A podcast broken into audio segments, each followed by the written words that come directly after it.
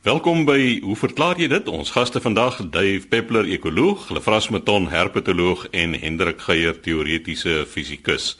Dave, ons begin by jou. Jy gesels oor hoendertjies wat in die tuin skrop. Chris, ek gaan hierdie hele brief lees want dit is 'n baie baie interessante brief van Edzard Pinaar van die strand. Hy sê in een van die briewe wat jy vanoggend en hoe verklaar jy dit gelees het, was daar 'n relaas van hierdie dame wat so ingenome is oor die wonderlike voorlewe in hulle aftree oort in Somerset West. Haar misnou oor Jan, dis nou die fiskaal wat maar net sy werk doen wat aan hom opgedra is. Nou dit is ook 'n volledige antwoord daar. Die ene maar kom ons los dit. Dit is egter nie, nie my probleem nie, maar wel hare. Omdat sy die Hadidas en Tarantale net so te loops van melding maak, wys sy net haar onkunde. Tarantale, hy sê hy noem hulle tarantulas, is my probleem. Duif dis 'n voël wat nie in dorp behoort nie. Ekologies gesproke is dit Satan van self. Op die plaas en in die veld het hy sy doel, maar hy sê selfs voor die loop van 1.22 het hy net vir hierdie voël. Nou dit gaan hieroor. Hy vertel dat Gerard Verdoor in die laat nag so 'n program gehad het, Jackie January, en mense het baie oor die tarantale gepraat. As veelmalige ooggetuie van die crime in hakkies het ek hom toe vertel dat dorpstarentale soos wit doodhaie in 'n feeding frenzy gaan sodra hulle 'n trap siekies raakloop. Hulle verskeer die reptilietjie net daar glo aan flarde en daar bly niks oor nie, nie 'n voetjie of 'n tong nie. Hy wil nou graag hê dat ek hierdie moordaardige gedrag in die publiek opneem en die domein neersit. En hoe verklaar jy dit want hy het nou hierdie sterk gevoel oor tarentale. Hy sê hy het nou sy misnoë uitgespreek. Ons praat uiteraard nou van die gewone taal en hier is sy roep.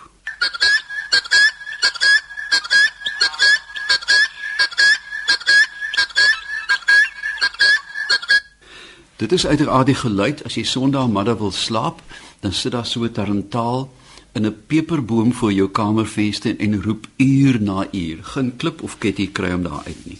Nou, die eerste ding wat ons eintlik moet besoek is is die tarantale wat in Somerset West voorkom eie aan die Kaap. Die antwoord is duidelik nee. Dat voor die jaar 1900 was daar nie 'n enkele tarantaal suid van die Oranje, daar in die Charybdis daar of wes van Uitenhage nie. Geen tarantale nie. Hulle is ekologies gebuffer deur die Karoo wat te droog was in die sentrale gedeelte in die weste en dan is hulle ook van uitnage se kant af deur die inheemse woude gebuffer want dit is nie hulle habitat nie. Met ander woorde daar was ekologiese buffers wat hulle gekeer het.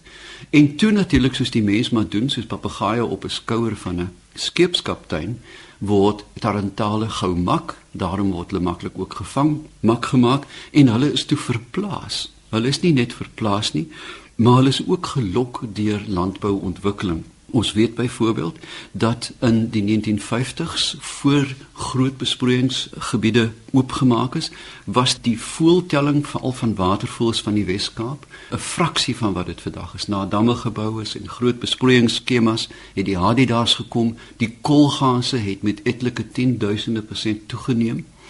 Met ander woorde, alles wat ons sien hier gebeur is te maak met die mense verandering van die omgewing. Nou, kom ons kyk dan net eers oor die voedselvoorkeur van hierdie skropper. Hulle is hoofsaaklik skroppers. Jy weet mos as jy 'n saad saai en 'n trop tarantale gaan daar deur dan moet jy van voor af hark. En in die nuutbroeiseisoen vreet hulle hoofsaaklik plantaardige materiaal. Baie interessant, sodra hulle begin eiers produseer, die mannetjies begin seksueel aktief raak, deur daglengte bepaal, skuif hulle oombliklik oor na 'n insekdieet. Nou, ongelukkig is muise, akedisse en verkleermannetjies word dan ook gesien as 'n vleisetende dieet. Nou, Dit is glad nie nuus vir my dat hulle die verkleermannetjies eet nie want ek het jare lank koekoekoeners hulle vras jy so verbaas wees dat ek ook voels aangehou het. Groot trop koekoekoeners op die universiteit se plaas wederregtelik aangehou. En hierdie is primitiewe hoenders die Plymouth Rock en wanneer daar muise was in die voerstoor het ek die sakke opgelig en die tannies laat inkom. Daai muise is eenvoudig verslind een en almal, selfs streepmuise.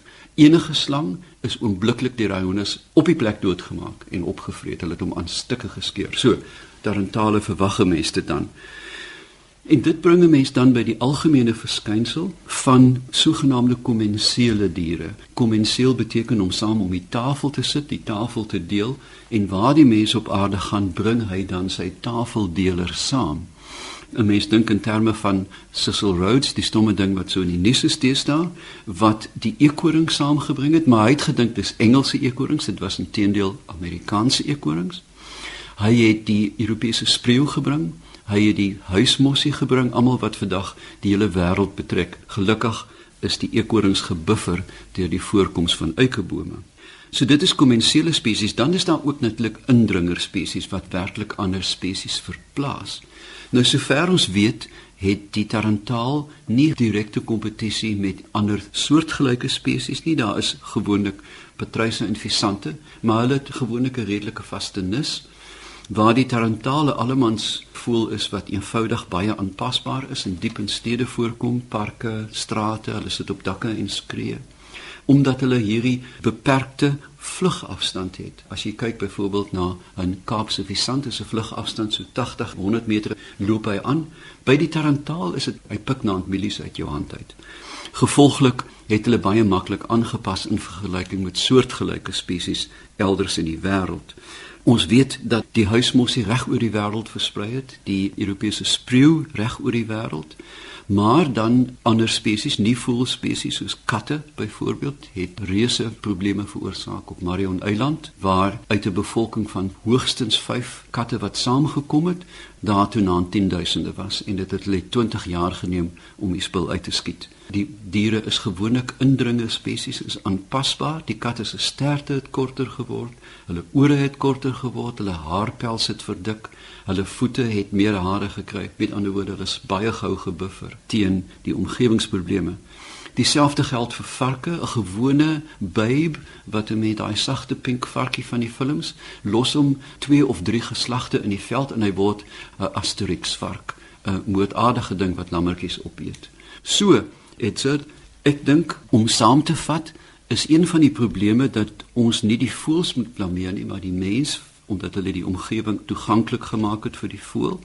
Ek uiteraard en hier gaan natuurlik nou weer 'n ding op my kop bars, het geen probleem met die volhoubare benutting van so 'n spesies nie. Jy weet 'n Tarantaal restaurant, Tarantaal hamburgers, wel jy kan dit dan nie ham noem nie. Tarantaal burger, pastytjies, susaties, daar's 'n eindelose aantal resepte. So, ek wil nou nie sê ons moet met haalgewere deur die stad loop nie, maar daar is ook 'n manier om jou ekologiese pad deur hulle te eet. Net soos met wildgeworde duwe, hulle vras jy sal weet dat posduwe wat ontsnap, word werklik probleme in stede hulle teel maklik aan, bring mediese probleme, daar is heelwat siektes wat hulle dra. Byvoorbeeld dat hulle swerfvalke sal beïnvloed deur 'n Trichomonas gallinae frans wat hulle oordraagbare virale siekte van die keel ensovoorts. So, it's a sê dat as dit op jou eie eiendom is en jy kan die tarantale mesmeriseer in jou pot in, eet hulle op, maar ongelukkig kan jy bitter min aan hierdie saak doen. Dave net 'n bevestiging toe ons 30 jaar gelede hier op Stellenbosch ingetrek het, was daar in ons woonbuurt opsigtelik baie visante gewees, Kaapse visante. Soveel so dat daar sonder uitsondering elke seisoen 'n nuwe broeiseltjie in ons tuin groot geword het. En mettertyd het hulle eenvoudig voor die tarantale begin wyk soveel sodat mense op die oomblik by hoe uitsondering nog hoegenaamd van 'n visant hier teen Stellenboschberg bewus is. En dan net 'n ander opmerking oor die tarantaalvleis. As ek reg onthou van skooltyd af, is daar 'n sekere tyd in die jaar wat jy verkieslik nie tarantaalvleis eet nie as gevolg van parasitiese indringing. So miskien moet jy nie almal aanbeveel om op enige stadium die tarantale in die pot te stop nie. Ek dink dieselfde geld vir varkvleis van die supermark rak af. Ja, uiteraard so snoek. So ja, ek het dit effens skertsend gesê, maar jy weet hoe, hoe langer jy die vleis kook, hoe veiliger word hy. My waarneming van tarentale in die dorp is daar's ook maar net soos met die duwe, meeste van hulle lyk siekerig heeltyd. So ek dink daar's ook bietjie stres. Kos is nie altyd so gereedelik beskikbaar nie en dit kan ook die parasietlading seker verhoog.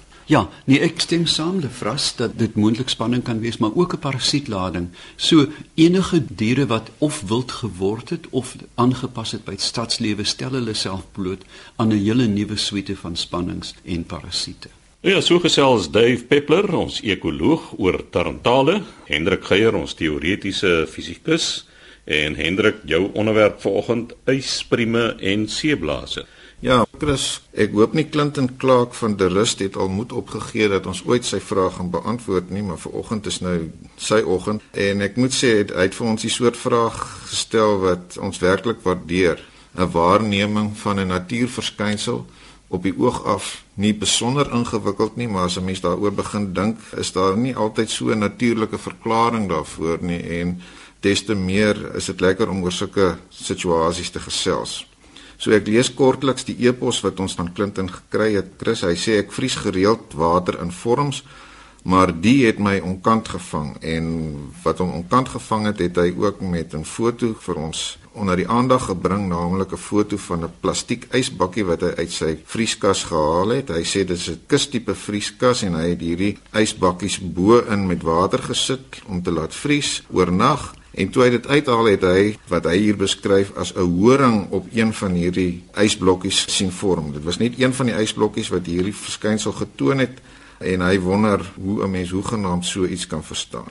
Nou net eers by die naam in Engels kom 'n mens agter dat daarna hierdie ysvorms verwys word as ice spikes. Ek vertaal dit maar met yspriem En interessant genoeg kom hierdie verskynsel ook in verskillende gedaantes voor, veral in die dele van die wêreld waar wintertemperature ver benede vriespunt is, word die goed nogal gereedelik waargeneem op voelbadjies en diere se drankbakke en dies meer.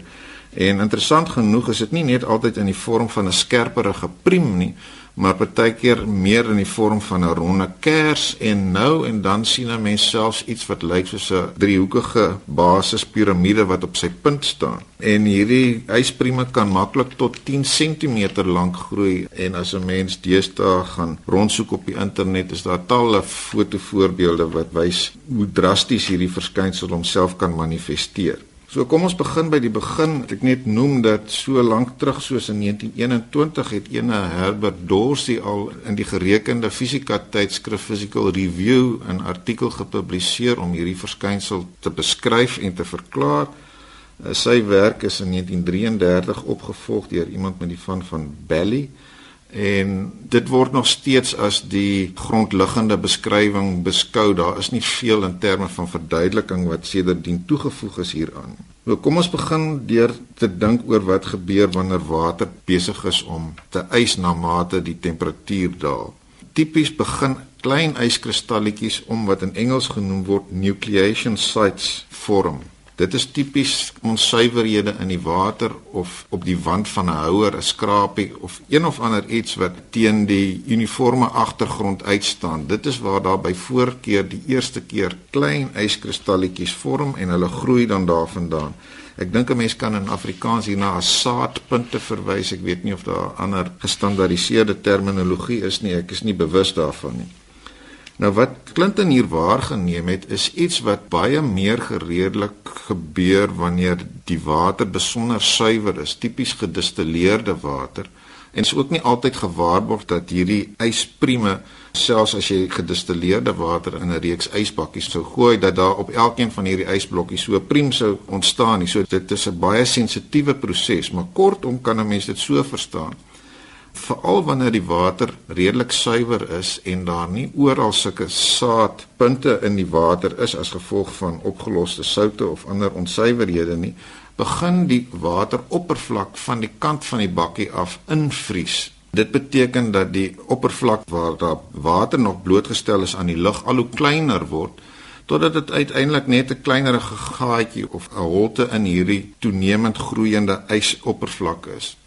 Nou soos ons weet, het water die merkwaardige eienskap dat dit by 4 grade Celsius op sy digste is. As 'n mens water onder 4 grade Celsius afkoel, dan begin water uitsit. En dit het daarmee te maak dat yskristalle 'n heksagonale of seskantige vorm aanneem En per watermolekuul beteken dit dat hulle dan meer volume beslaan. So om daardie seskantige kristalvorm uiteindelik te kan inneem in hierdie tussenfase begin die goed hulle al so rangskik op 'n manier dat hulle meer volume beslaan as in die vloeistofase.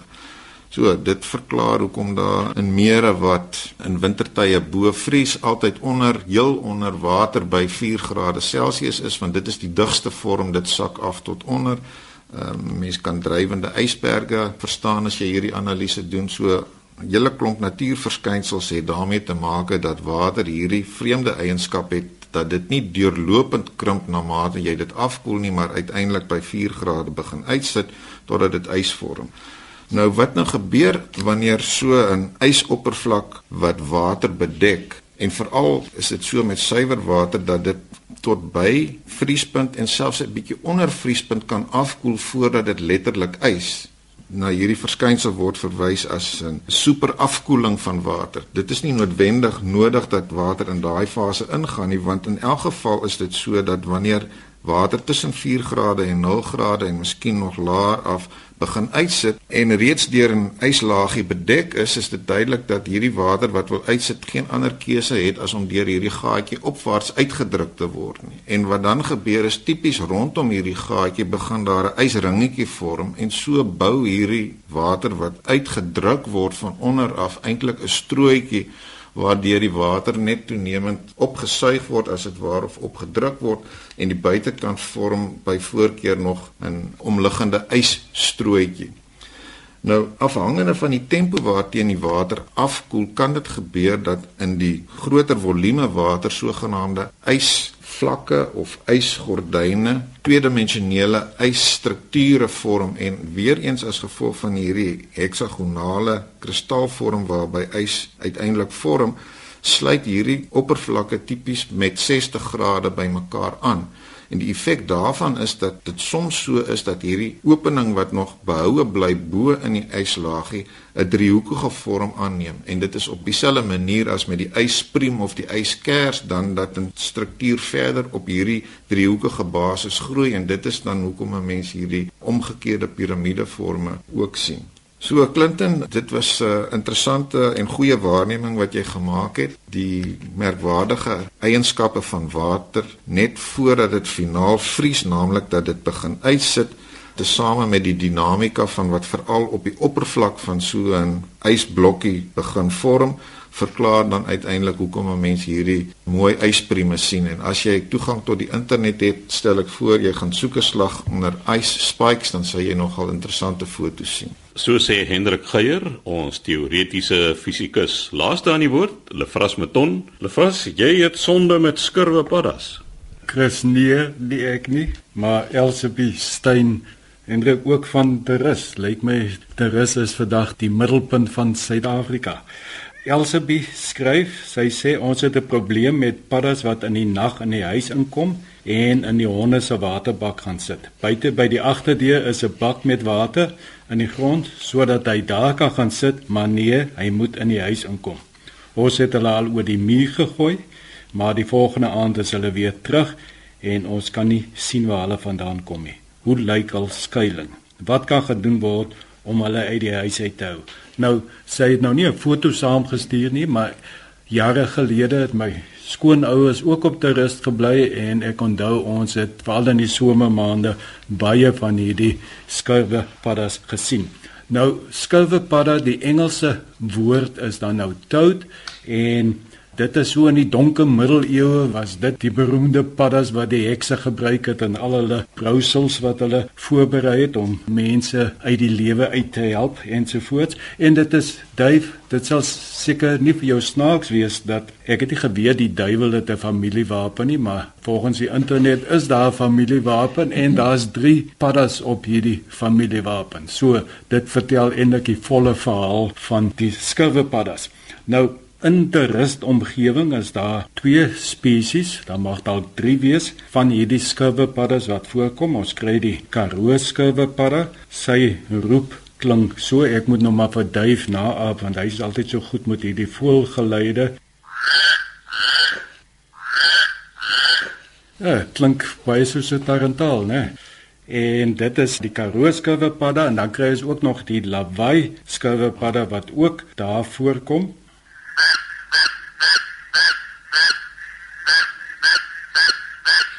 Mens kan sien hoe kom hy die Lawaai skouwerpadda genoem word. Nou die mense van die rus moet bietjie luister en as dit nou weer paar tyd is en die paddas begin roep, dan moet hulle vir ons laat weet watter een van hierdie twee roepe hulle erken.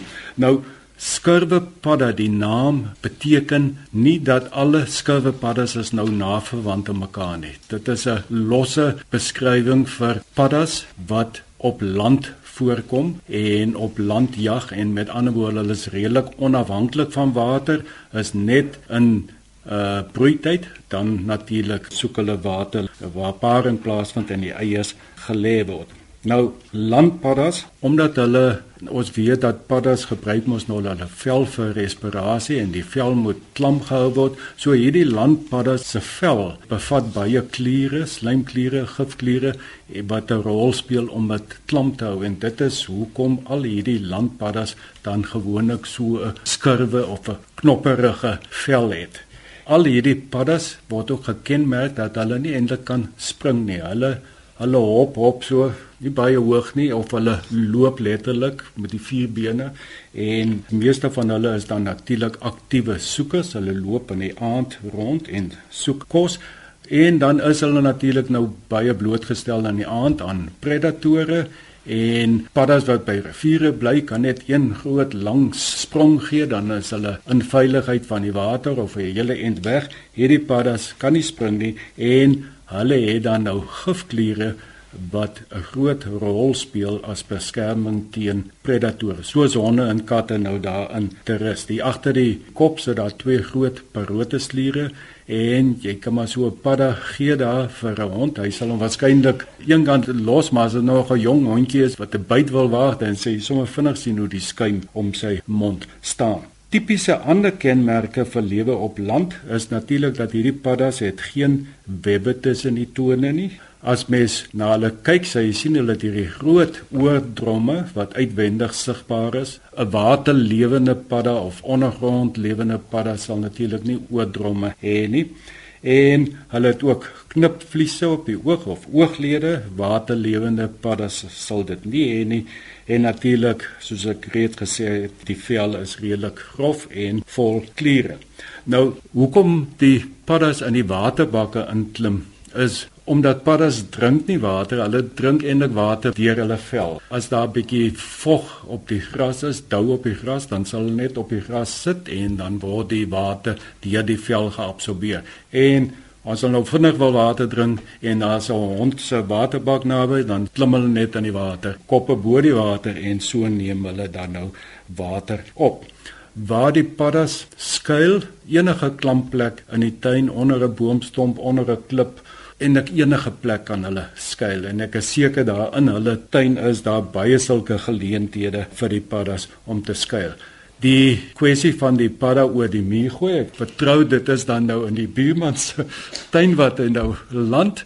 Ek onthou jare gelede het 'n boer ook so 'n probleem met 'n padda gehad wat in die kombuis inkom en hy het die padda 5 km weg gaan sit en die padda was in die meelkus en na 'n paar dae was die padda met hierdie meelkors op sy lyf weer terug in die kombuis. En dit is bekend dat hierdie paddas is baie getrou aan hulle omgewing en dat hulle lang afstande sal kan aflê om weer terug te kom. So ek dink nie dit gaan help om, om oor die muur te gooi nie. Soos ek beskryf het, hierdie paddas kan nie spring nie, hulle kan definitief nie teen vertikale mure uitklim nie. So enigste manier wat hulle dan nou in die huis inkom is omdat die deure oop staan. Nou is dit baie eenvoudig as mens dan nou wil hê jou deur moet oop staan, as jy wil hê al die muskiete in die goed moet inkom, dan sou ek voorstel om net so 'n lae plank, ons kom ons noem dit nou, nou nie 'n deurstop nie, maar 'n paddastop, so 'n plank net sit. Dit hang natuurlik nou af van die grootte van die honde, want die honde wil ook seker in en uit. As dit nou so 'n worshondjie is wat plat op die grond is of 'n afgetrede ou hond, dan mag dit nou seker 'n probleem wees. 'n Ander moontlikheid dink ek is dalk om bietjie meer 'n uh, soort van entrepreneur te word en dalk heksery besoek dalk is daar nog 'n geldjie te maak en dan is daar hierdie bron van paddas. Om af te sluit, ek self sou dink dit is fantasties om die natuur in jou tuin te hê en ek sou liewer as om negatief te staan elke keer as ek 'n padda sien dit net geniet. Dit sou my antwoord wees vir Elsabie se probleem. Daar het die tyd ons ook ingehaal, Lefras Meton herpetoloog wat dan oor skurwepaddas gepraat het. Skryf gerus aan ons by hoe verklaar jy posbus 2551 Kaapstad 8000 of stuur 'n e-pos aan chris@rsg.co.za